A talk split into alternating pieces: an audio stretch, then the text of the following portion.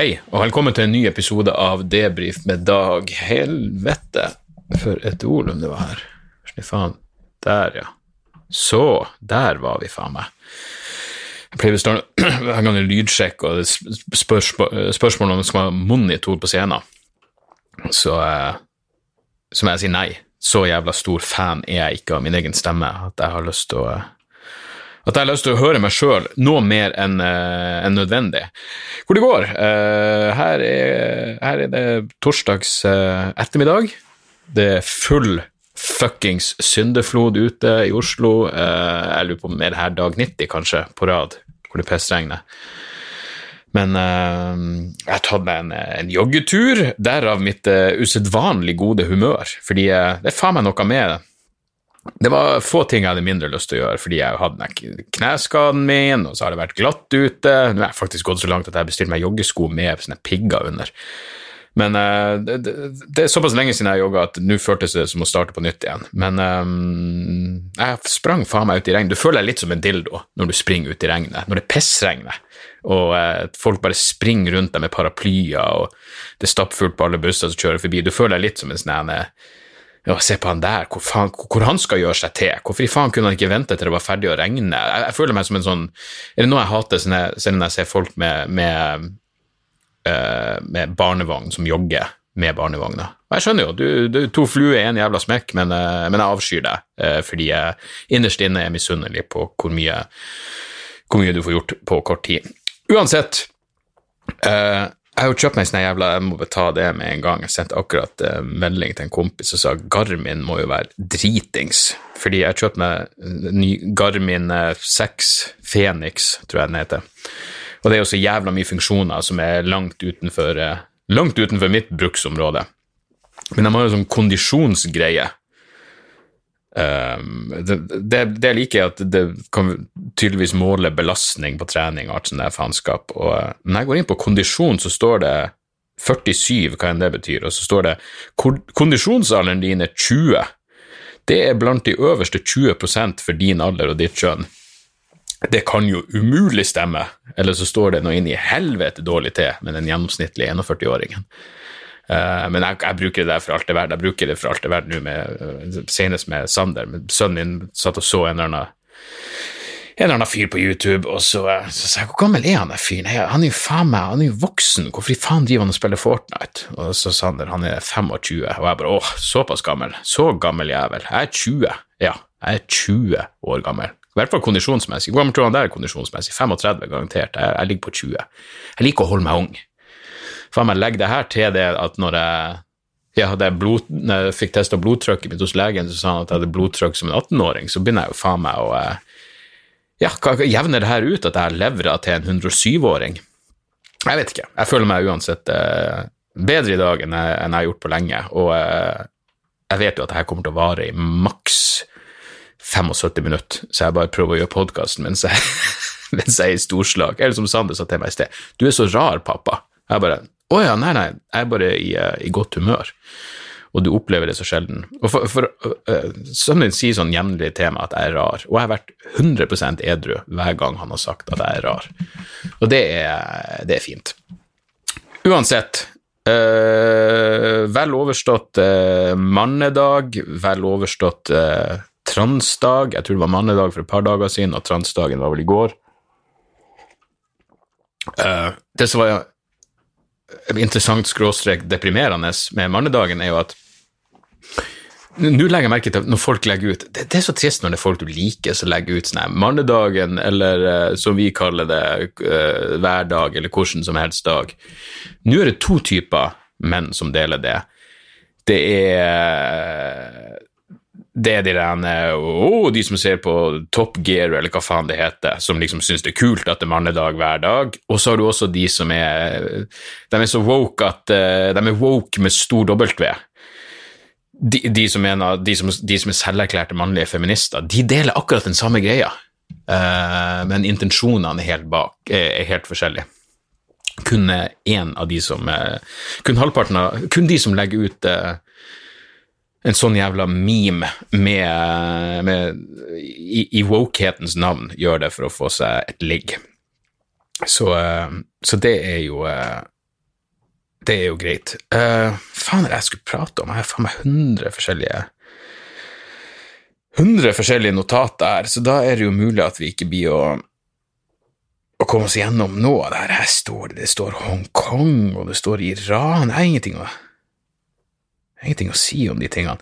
Jeg, uh, faen, altså. Uh, jeg, jeg, satt og tenkte det i går, når, eller jeg gjorde podkasten dialogisk i går, og så driver vi og prater om eh, ja, gudene vet hva vi prater om, men da, da, da, slo det meg, og jeg sa det vel kanskje også, at eh, jeg tror faen meg vi lever i en verden nå hvor nyanser er det nye opprørske. Det, det, det, det er revolusjonerende å være nyansert. Orwell har jo det der sitatet Eh, at det, det, å si sannheter i en verden full av Hvis du sier sannheter i en verden full av løgner, så er det en revolusjonær handling, eller et eller annet sånt. Nå tror jeg faen meg det er en revolusjonær handling å prøve å se ting fra, to, fra mer enn én side.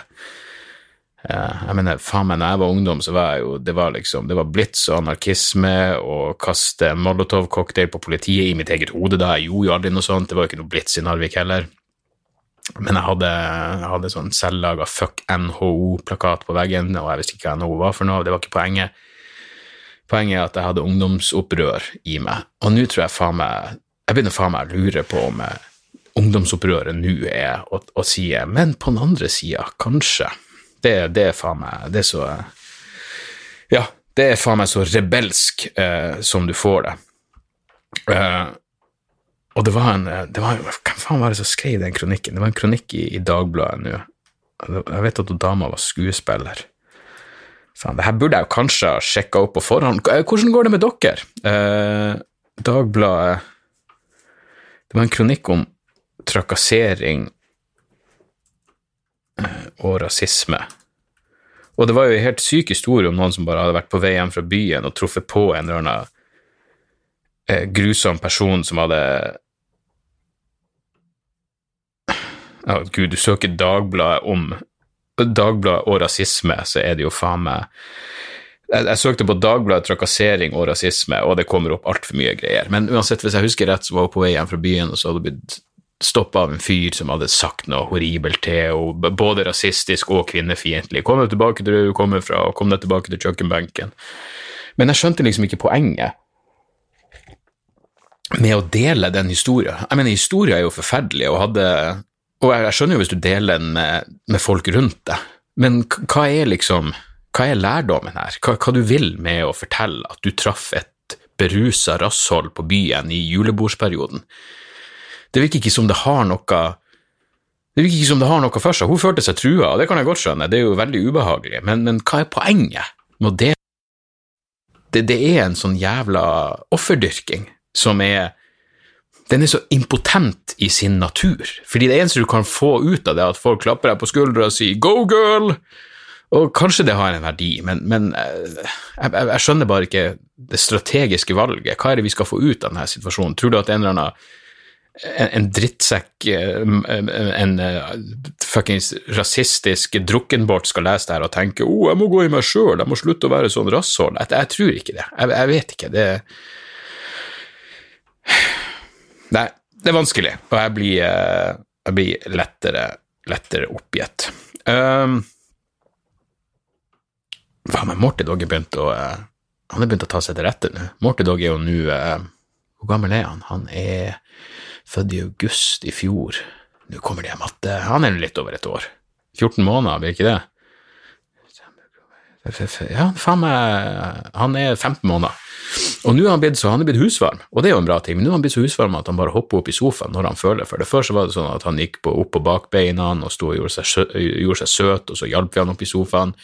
Og det var liksom en greie. Nå, nå tar han seg til rette og hopper opp i sofaen sjøl, og det er jo ikke noe problem. Jeg mener, han er søt og liten, og det er jo ikke noe big deal, men og det, samtidig så er det også litt sånn, det er godt å se at han eh, Nå har han blitt husvarm. Han er, han er en av gjengen.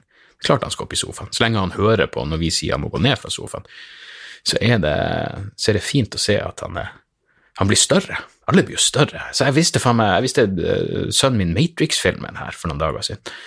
Tenkte han er gammel nok til å se den, og så, og så er det lenge siden jeg har sett den, og jeg er jo så jævla Jeg har jo sånne faser hvor jeg blir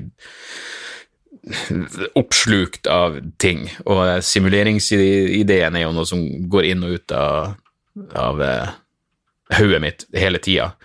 Uh, og så tenkte jeg jeg lurer på hva Sander blir å få ut av, av, denne ideen. Men jeg tror bare han så på det som en kul actionfilm, og han syntes det var fascinerende den der ideen om at du egentlig lå og var et batteri for kunstig intelligens, men samtidig så innbilte du deg at du For å pasifisere deg, så hadde de bygd denne simulat, simula, simulatoren Uh, jævlig fascinerende. Og hele, hele, greia for uh, Hva faen heter det spillet for noe?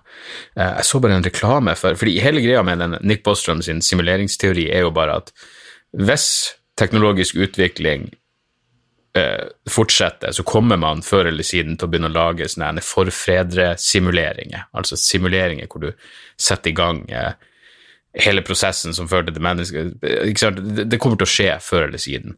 Og så, så er reklame for et spill nå som heter Jeg tror det heter Ancestor eller Ancestry eller noe sånt, hvor, hvor det liksom var pitchen på spillet var at det, de har ofra liksom action for uh, vitenskapelig uh, presisjon eller et eller annet sånt. Og da tenkte jeg Så de har laga Det er sånn det begynner en, det her er jo første steg i en ancestor simulation, og hvem vet om de ene fuckings skapningene i det spillet er bevisst eller ikke. Og så er jo den Jeg har ikke lest den ennå, men den, den, står høyt oppe på lista mi, The Case Against Reality av jeg tror han heter Donald Hoffman. Han har en sånn teori om at Og det er en slags sammenheng med simuleringsteorien. Han har en teori om at uh, evolusjon uh, uh, Altså, det er ikke i vår Vi er ikke tjent med å se virkeligheten sånn som den egentlig er. Fordi evolusjonen tilrettelegger bare for at vi skal overleve, og det er ikke adaptivt, hvis det blir det rette ordet, for oss å se sannheten sånn som den egentlig er. Så han bruker, hans analogi er når du ser på eh, Når du ser på, eh, på, på datamaskinen din, på, på ikonene på datamaskinen din, så er det jo Ja, det er et ikon for gmail, men det er jo egentlig Hvis du går Det er det jeg ser fordi det er enkelt for meg, og det er funksjonelt for meg å bare se et ikon, Gmail, og så går jeg inn på mailen min. Uh, selv om jeg ikke burde bruke gmailen. jeg tenker meg om jeg skal skifte. Er noen som vet om noen gode alternativ. Jeg må, jeg, må, jeg, må, jeg, må, jeg løsrive meg fra Google, for det er for fucked up. Jeg kan ikke, kan ikke, kan ikke være eh, lidenskapelig motstander av overvåkningskapitalisme og samtidig ha Gmail. Men uansett, hvis jeg da skulle inn og se hvordan inn i datamaskinen og se hvor kodene til denne appen alt det her, så blir det for komplisert for meg. Uh, det ikke, det, ja. Jeg er ikke tjent med det. Og han, sånn mener han Hoffmann at, uh, at virkeligheten kan skje. Så han har et annet eksempel som jeg garantert blir å slakte, men eh, altså, jeg, jeg, tror, jeg, tror, det er sånn at vi, vi kan bare leve hvis, hvis oksygenmetninga er altså Nå sier jeg jo bare ord som jeg ikke helt skjønner hva betyr for noe, men jeg tror oksygenmetninga må være mellom 19, 19 og 21,5 uh, for at mennesker skal kunne overleve. Eh, og så sier han se for deg en organisme som bare ser to eh, farger, uh, rødt og grønt.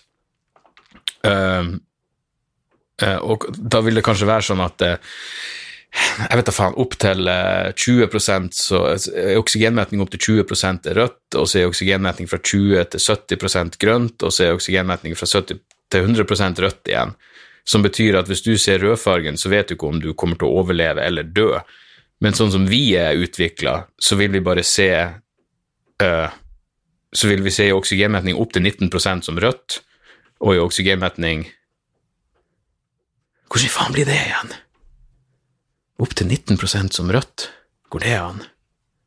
Se, jeg har allerede slakta det her. Jeg har allerede slakta det her eh, eksempelet totalt. For hvordan, hvordan, skal vi Jo, eh, oksygenmetning opp til 19% som rødt, og oksygenmetning fra 19 til 21,5% som grønt, og fra 21,5 til 100 som rødt igjen. Det er egentlig ikke den objektive virkeligheten, men det er det vi trenger for å overleve. Skjønner dere? For jeg er ikke engang sikker på om jeg skjønner. Og så er det liksom hans store idé at den, den grunnleggende virkeligheten er bare bevissthet. Uh, og igjen, jeg merker at jeg bare sier ord. Men, men igjen, det, det, det, er jo en slags sammenheng med simuleringsteorien der, at vi ser ikke virkelig, og, og Matrix, som, vi ser ikke virkeligheten sånn som den er sånn som den egentlig er. Vi ser den bare sånn som evolusjonen mener det er best for oss å se den for å sikre vår overlevelse og, uh, og spredning av, av, gener. Fuck, jeg vet da faen. Av og til er jeg nesten glad at jeg ikke er smart nok til å forstå det her, fordi Hoffman han har jo en matematisk utregning på det her.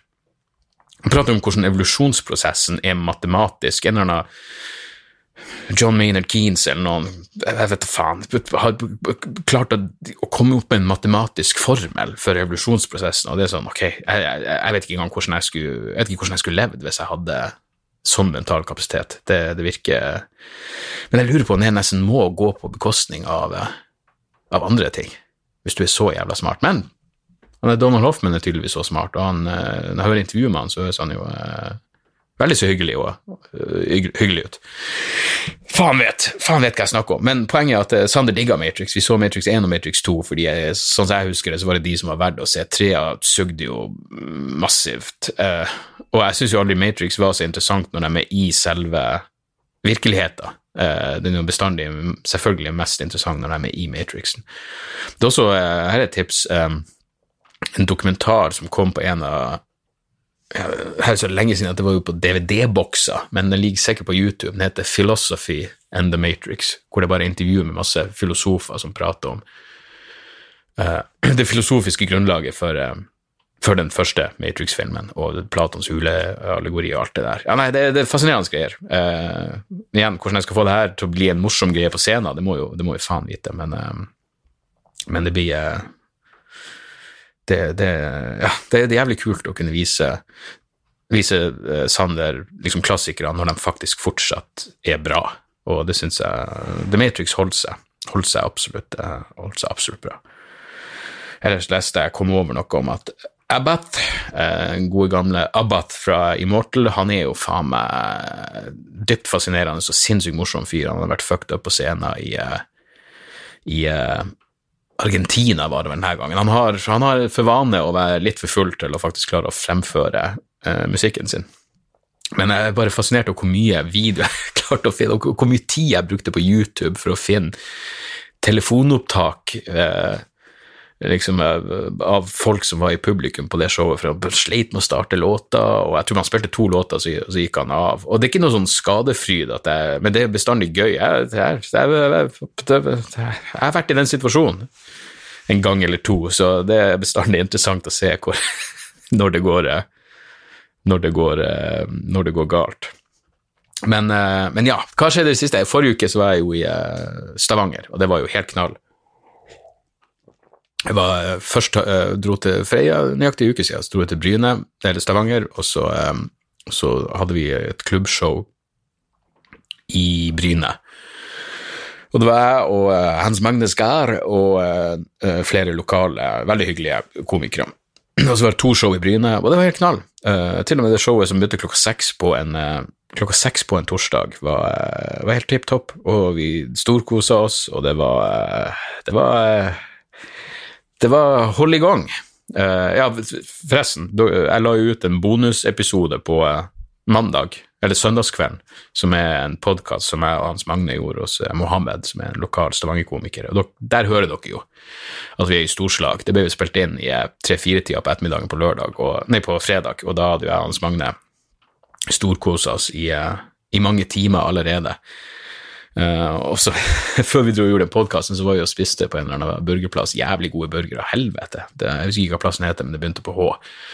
Uh, og så har de sånne hansker der. Det var det er litt merkelig, jeg har aldri sett det før, men du tar på deg sånne ja, jævla Dexter-hansker før han skal partere folk, før du spiser burgeren din. Og uh, jeg og Hans Magne var i såpass godt humør at vi fikk for oss at det her skal vi ha på oss på scenen, og vi skal faen ikke kommentere det. Eh, så vi putta et ekstra par i lomma, og vi gjorde det. Eh, begge, både jeg og Hans Magne med T-skjorte og svarte gummihansker på scenen. Og hvis folk spurte hvorfor har hansker, så sa vi bare hvorfor har ikke du hansker? Det er jo det store spørsmålet. 2019, bro. Hvorfor har ikke du hansker på deg? Hvorfor i helvete sitter du der hanskeløs i 2019? Uh, eh, så det, det, det, virka gøy der og da, og, um, og showet var, var, var, var tipp topp, så vi, vi storkosa oss vi hadde, det, vi hadde det jævlig gøy. Jeg ser jo sånne, sånne turer har en sånn verdi, bare Ja. Hvis en god latter forlenger livet, så, så kjøpte jeg meg noen, noen, noen måneder ekstra på, det, på den der turen. Jeg skal etterpå se en dokumentar om CRISPR, denne gen... Hva kan man kalle det? Genmanipuleringsteknologien. Uh, så denne episoden kommer ikke til å vare så jævlig lenge. men det får nå så være. Jeg tror ikke det var noe spesielt viktig. Jeg skulle si. Neste uke så har jeg Jeg kommer til Porsgrunn. Rockeklubben i Porsgrunn. Eh, Kongeplass. Jeg husker jeg var der med Kvelertak på um, eh, på, ja, på turné. Um, jeg tror ikke du, de pleier å ha så mye standup, men jeg kommer dit neste lørdag. To show. Det første blir jo faen meg utsolgt på rekordtid. Showet klokka ni blir utsolgt så jævlig fort. Og det var jo fantastisk, eh, men det er fortsatt noen, noen billetter igjen til showet klokka halv åtte. Så eh, hvis du befinner deg i Porsgrunn, kom gjerne innom og se meg kjøre gjennom eh, den nye timen min. Det ser jeg jævlig frem til. Og så er jeg i Tønsberg av alle plasser kvelden før. Jeg er med på en eller annen klubbkveld en eller annen plass der. Hvis du googler standup Tønsberg, uh, 29. november blir det vel, så, så, skal det dukke så skal det dukke opp noe. Jeg er helt fri denne uka, og det er Jeg merker det godt. Jeg bare Herregud, jeg har sett så mye av de Affair. Nå har jeg bare én episode igjen, og det har jo vært opp og, opp og ned. Eh, noen sidehistorier der som ikke gir noen jævla mening, men nå har jeg bare én episode igjen, og jeg måtte tørke noen tårer igjen i går, og det vet du at det, det, er, det, er, der vi skal ligge, det er der vi skal være. Uh, men uh, alle de andre tingene får vi, får vi rett og slett bare ta seinere. Ja, det tror jeg. Vi tar noen mailer, og så rapper vi det her opp. Um, skal vi se her Uh, uh, uh. Her har vi en mail fra Marie Ja, Marie skriver bare hyggelige ting. Det er vel egentlig ingen Ingen spørsmål her, men hun, hun, sier at hun liker blandinga av tøff machomann samtidig som du viser sårbarhet. Jeg er vel faen meg så langt unna machomann som det går an å få det. Og, og, og jeg mener et, et, Wrestling har satt såpass dype spor i meg at hvis noen sier machomann, så tenker jeg Randy Savage. Machoman, Randy Savage. Men, eh, men, takk, Marie, for at du, eh, for at du hører på. Eh, det setter uh, Ja, det er ganske gøy å skrive at hun er, hun er glad for at hun er ufør pga. depresjon og angst, for da får hun hørt igjennom alt av podkaster. Hey, det kommer noe godt ut av alt, uh, Marie, og, og takk, for at du, takk for at du skrev til meg. Emil skriver vitseskriving. Hei, jeg heter Emil, jeg er 17 år og digger begge podkastene dine og alle showene dine. I det siste har jeg vurdert litt å prøve ut standup, men det er, det er få nybegynnersteder som er åpne for folk under 18. Det er egentlig ikke noe stort problem, fordi jeg føler meg ikke helt klar ennå. Grunnen til at jeg ikke føler meg klar, er at jeg sliter med å få gode punchlines. Har du noen tips til hvordan man kan få potensielt morsomme ting, som for eksempel død, fordervelse eller rare historier fra fester, til å bli ordentlig hysteriske? Hvordan gjør du noe du ser av potensialet om til en vits? Stå på med standup og podkaster, du er veldig bra, hilsen Emil. Uh, du, det, er, det, her er sånn spørsmål som man får. Det, det finnes ikke noe svar på det her unge Emil. For det første, det du sier med nybegynnersteder som er åpen for folk under 18 år. Uh, hvis du bor i Oslo, så stemmer ikke det. Du kommer deg glatt på scenen, både på, uh, på Prøverør og på Josefine, og jeg, jeg, tipper de fleste plassene som har standup, hvis du er under 18 år, så fremst du bare uh, prater med de som, uh, som arrangerer eh, klubbkvelden på forhånd og eh, ikke prøve å kjøpe alkohol, så skal ikke det være noe problem. Jeg vet at det har stått 15-16-åringer på scenen, så det skal ikke være noe hinder. Uh, men det at du sier at du ikke føler deg klar ennå, det tyder jo på en, en modenhet som, så mange godt voksne komikere ikke, ikke har. men, men det, det, finnes ikke noe svar på det her. Jeg mener det, Kanskje jeg vet ikke, Første gang du skal stå på scenen, så fremst du ikke føler du har noen jævla morsomme ting om død og fordervelse, så, så prat heller om eh, rare historier fra fest. Og hvordan du får rare historier fra fest og blir hysterisk, det er jo hvis det faktisk har skjedd noe morsomt. Eh, I hvert fall fra mitt perspektiv så må det jo være sant. Og så kan du selvfølgelig ekspandere på det med å fortelle hva som gikk gjennom hodet ditt, og hva du tenkte, og hvorfor det her blir hysterisk for deg, men uh, jeg mener, det, det finnes jo ikke noen lover og regler her, men, men, for meg så må det være sant. Hvis ikke, så Jeg kan ikke bare finne på ting. Det, det får jeg ingenting ut For det første er jeg ikke så god fantasi, og for det andre så får jeg ikke noe ut av det.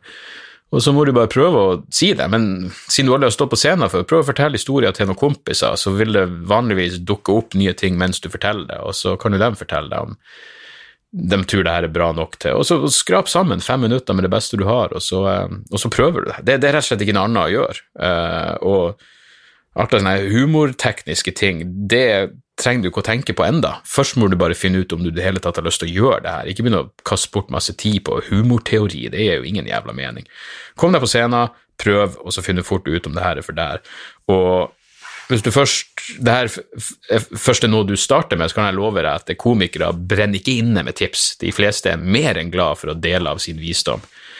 Uh, og så får du bare være være kritisk til hvem du tar, eh, hvem du tar tips ifra. Men uh, som sagt, kontakt uh, Gjør det helt lavterskel. Kontakt de som driver standup-klubb på Cadiz, f.eks. Standup Grüner, hva heter dem. De har flere, flere klubber rundt omkring, rundt omkring, og jeg kan love deg at uh, ja, det, det, det, er små, fine rom hvor du bare kan se om det her er noe for deg.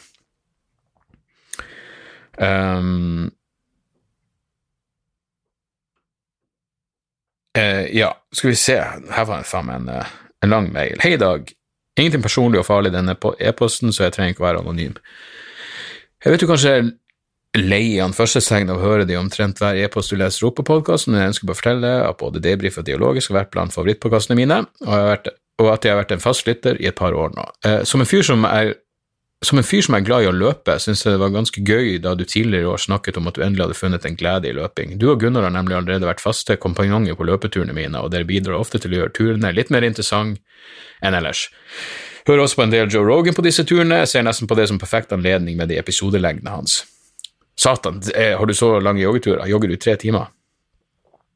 Uansett, eh, i sommer flytta jeg også til Amsterdam for å studere økonomi. Jeg vet ikke om du blir flau av å høre sånn som dette men det har gjort at podkastene dine pluss Klagemuren og HMS med JTK Fuck yeah!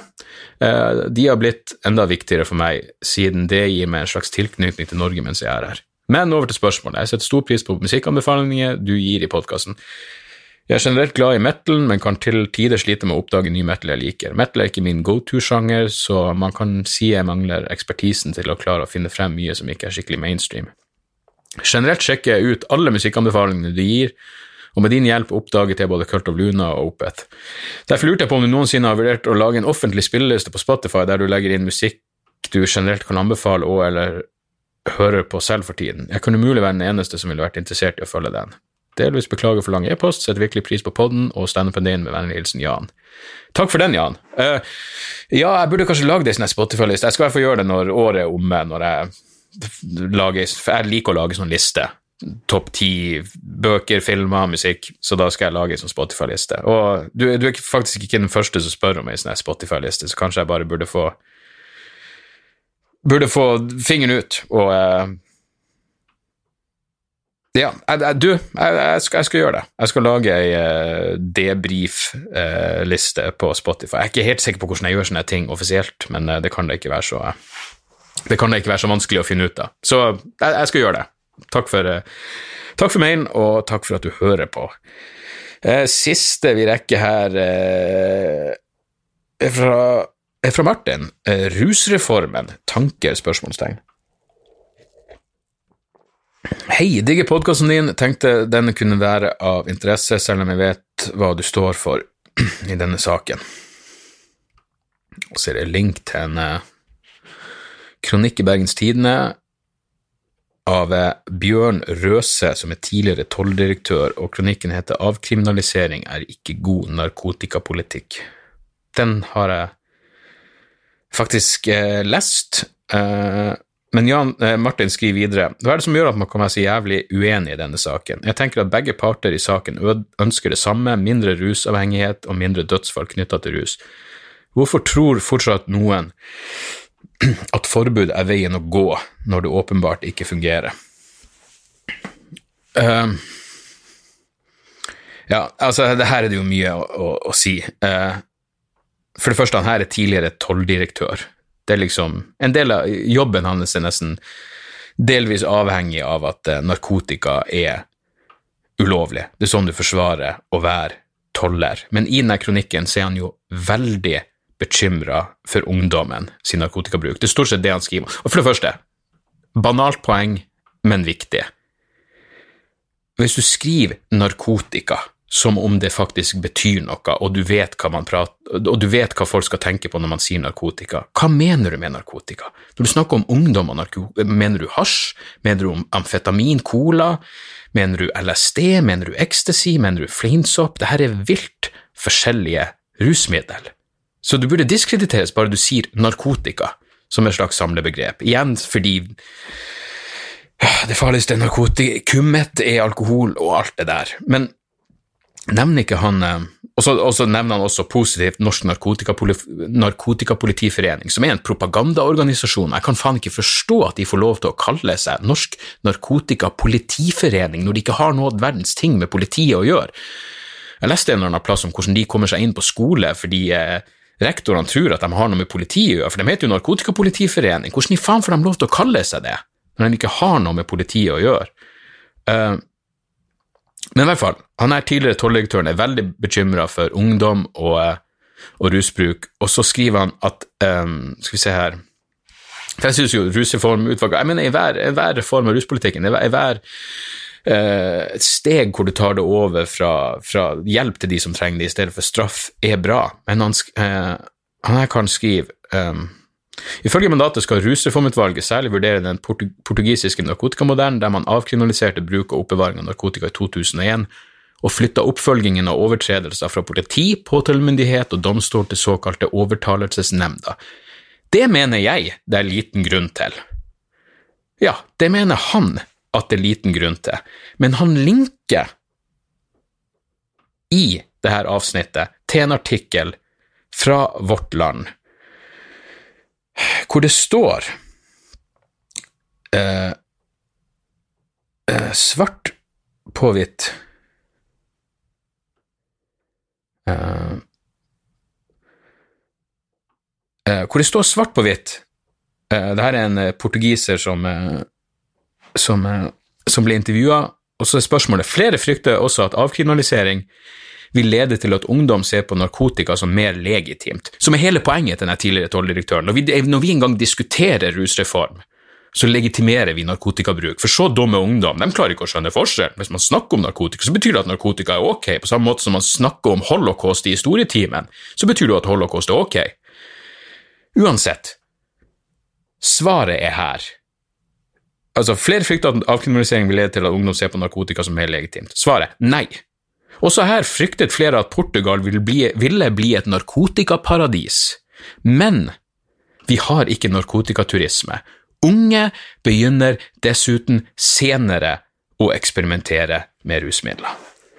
Og så har jeg også tilfeldigvis slått opp her en statistikk, det er fra 2007, en oversikt over overdosedødsfall, eller drug-induced deaths per million.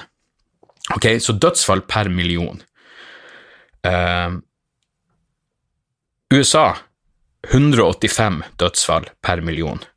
Norge 77 dødsfall, overdosedødsfall per million. Portugal 6 overdosedødsfall per million. Ok? Norge 77, Portugal 6. Men tidligere tolldirektøren mener at det er ingen grunn til å se på Portugal-modellen. Altså, det, det, man må forstå Når du har folk som for det første prater om narkotika som om det er én ting, og som for det andre har en, null, en, en nullvisjonsdrøm, eh, en idé om at narkotika For du spør jo eh, eh, godeste Martin, hvordan kan man være så jævla uenig i denne saken? Du kan ikke ta noen Man er ikke like seriøs hvis man sier ingen burde ta narkotika, som hvis, hvis, man sier kanskje vi burde reformere dagens system når vi har så mange overdosedødsfall per million. Hvis jeg da sier vi burde, vi burde se på hvordan vi skal vi burde ha en rusreform for å, eh, for å fikse for å, for, å, for å gjøre situasjonen bedre enn den er. Hvis jeg sier det på den ene sida, og den andre personen sier løsninga er at ingen tar narkotika, så er man ikke like seriøs. På samme måte som hvis du vil bekjempe eh, kjønnssykdommer eller, eh, eller, ufrivillig graviditet. Hvis jeg da sier ja, men da syns jeg faen meg vi burde, vi burde ha mye mer åpenhet eh, rundt sex, vi burde ha bedre seksualundervisning, vi burde ha eh, bedre gratis tilgang på prevensjonsmiddel til ungdom. Hvis jeg sier det, og den tidligere tolldirektøren sier de burde la være å pule, de burde ikke pule, de burde vente med å pule til de er gift. Vi er ikke like fuckings seriøse. Du kan selvfølgelig si at vi vil det samme, som er færre kjønnssykdommer, færre ufrivillige graviditeter, men vi er ikke like fuckings seriøse. Vi lever ikke på den samme planeten. En av sidene er jo det, det, det, du, du, kan ikke det, er ikke noe, det er ikke noe grunn til å ta det seriøst. Dette er ikke mennesker som er interessert i en debatt. De lever på en annen planet. Hvis du tror at rusmiddel Et, et menneskelig Ja, altså Det, det, det, det er så provoserende. Av samme grunn som at den kritikken mot Irene, uh, den kampanjen som Foreninga for trygge ruspolitikk hadde, hvor det virkelig var sånn uh, hvor, hvor hele tanken er Ungdom kommer til å eksperimentere med ulovlige rusmidler. Hva skal vi gjøre med det? hvordan skal vi sikre at det går tryggest mulig for seg? Ikke sant? For la oss ha i bakhodet her at ifølge FN sjøl, han er tolldirektøren har også noe referat til FN, ifølge FN ni av ti som bruker ulovlige rusmidler, ok, og det gjelder alle rusmidler, inkludert heroin, har ikke et problem. 90% har ikke et problem. 90% av oss kan bruke rusmiddel og fortsatt være helt normale, oppegående, produktive mennesker. 10% havner utpå. Hvordan hjelper vi de 10 Ikke sant? Og jeg mener, hvis du ser på jeg mener, Johan har i, i boka 'Chasing the Scream', som alle burde lese hvis de er interessert i det her temaet, 'The First and Last Days of the War on Drugs'. Han har en fin greie når han prater om For han er i Portugal og snak, snakker med folkene som For Portugal hadde et horribelt overdoseproblem. Uh, og han har vært i en time hvor de har ordentlig rusundervisning og diskusjon i klassen. Og da skriver han It occurs to me as I watch the students that the philosophy expressed in, in these lessons uh, runs through all the reforms in the country since 2001.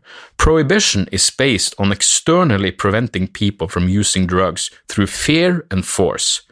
The Portuguese alternative is based on the belief that drugs aren't going away, so you need instead to give people the internal tools, the confidence, the knowledge, the support to make the right decisions for themselves. Ja. Det er også en tilnærming som jeg er en fan av. Og slutt å prate om narkotika som én ting. Og også ikke tro at jeg oppfordrer noen til å gjøre noen verdens ting. Jeg gjør virkelig ikke det. For det, det var noe det, Noen som skrev til meg en eller annen plass om man må, må, må være, Jeg har sikkert prata om det her før, men det at man må være bevisst på at man er et forbilde for unge mennesker. Og det er sånn, for det første, jeg har ikke lyst til å være noe få. Jeg har ikke lyst til å være et forbilde for noen. Jeg er en 41 år gammel fyr. Uh, jeg er ikke et forbilde, jeg er ærlig.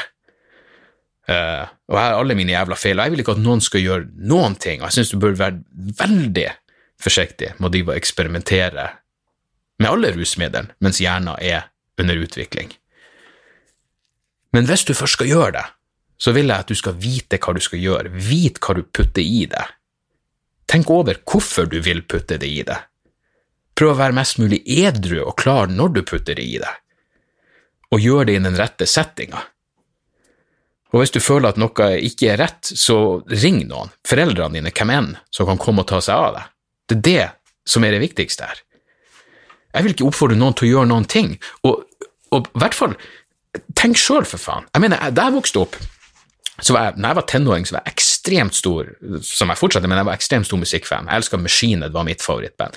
Og uh, frontmannen i Machine, Rob Flynn, jeg leste intervjuet med han hele tida. Han prata om drikking og puling og narkotikabruk. Jeg husker han sa i et intervju han ble spurt hva du skulle gjøre eh, jul og nyttår, og så sa han julaften skulle han feire med foreldrene sine, nyttårsaften skulle han spise en, eh, en ecstasy-tablett på størrelse med en hockeypuck.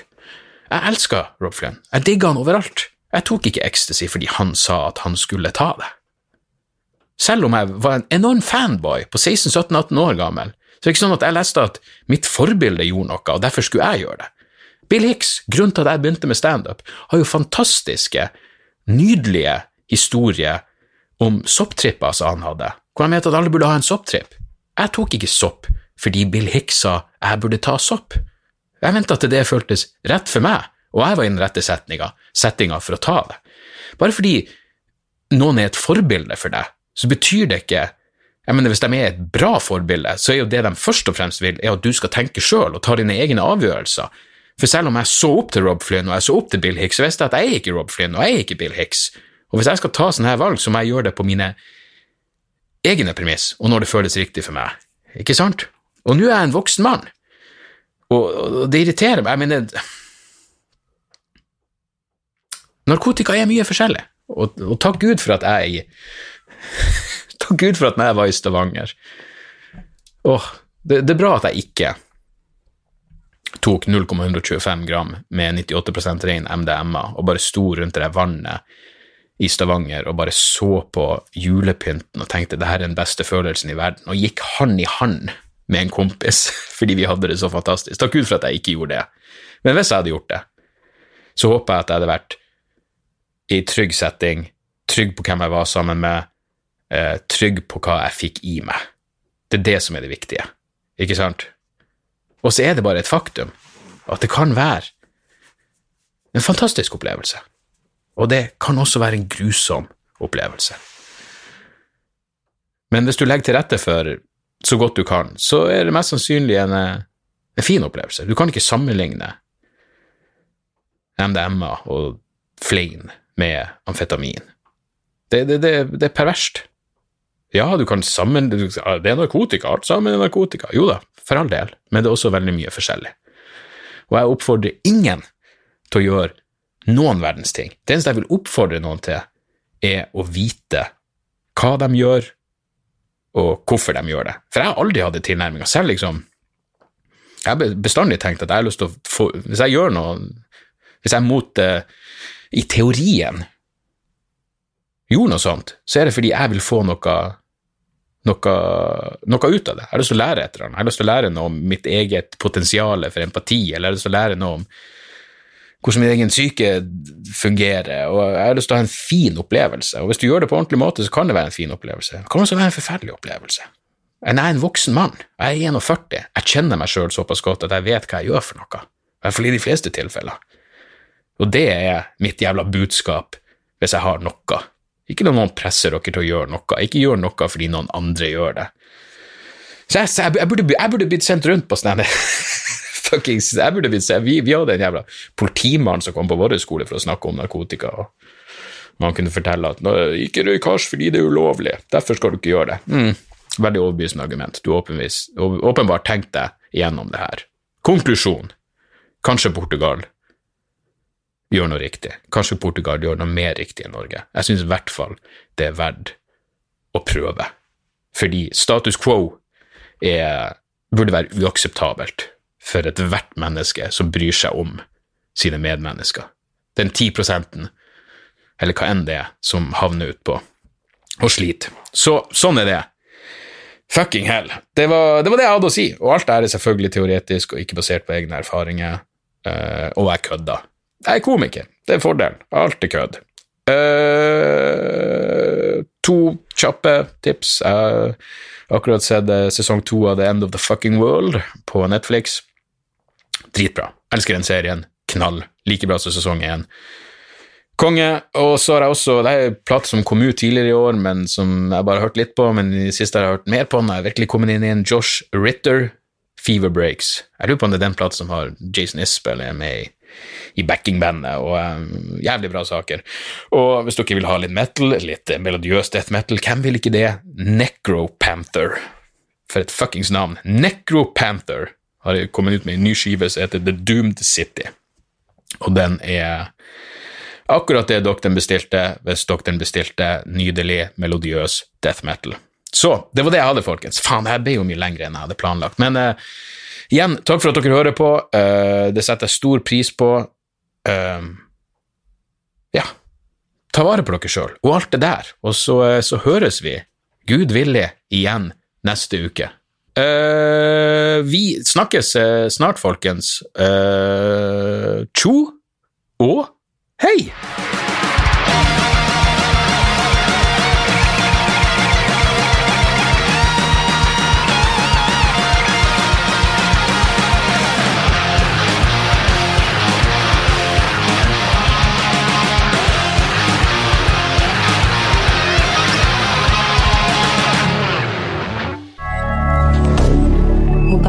calendar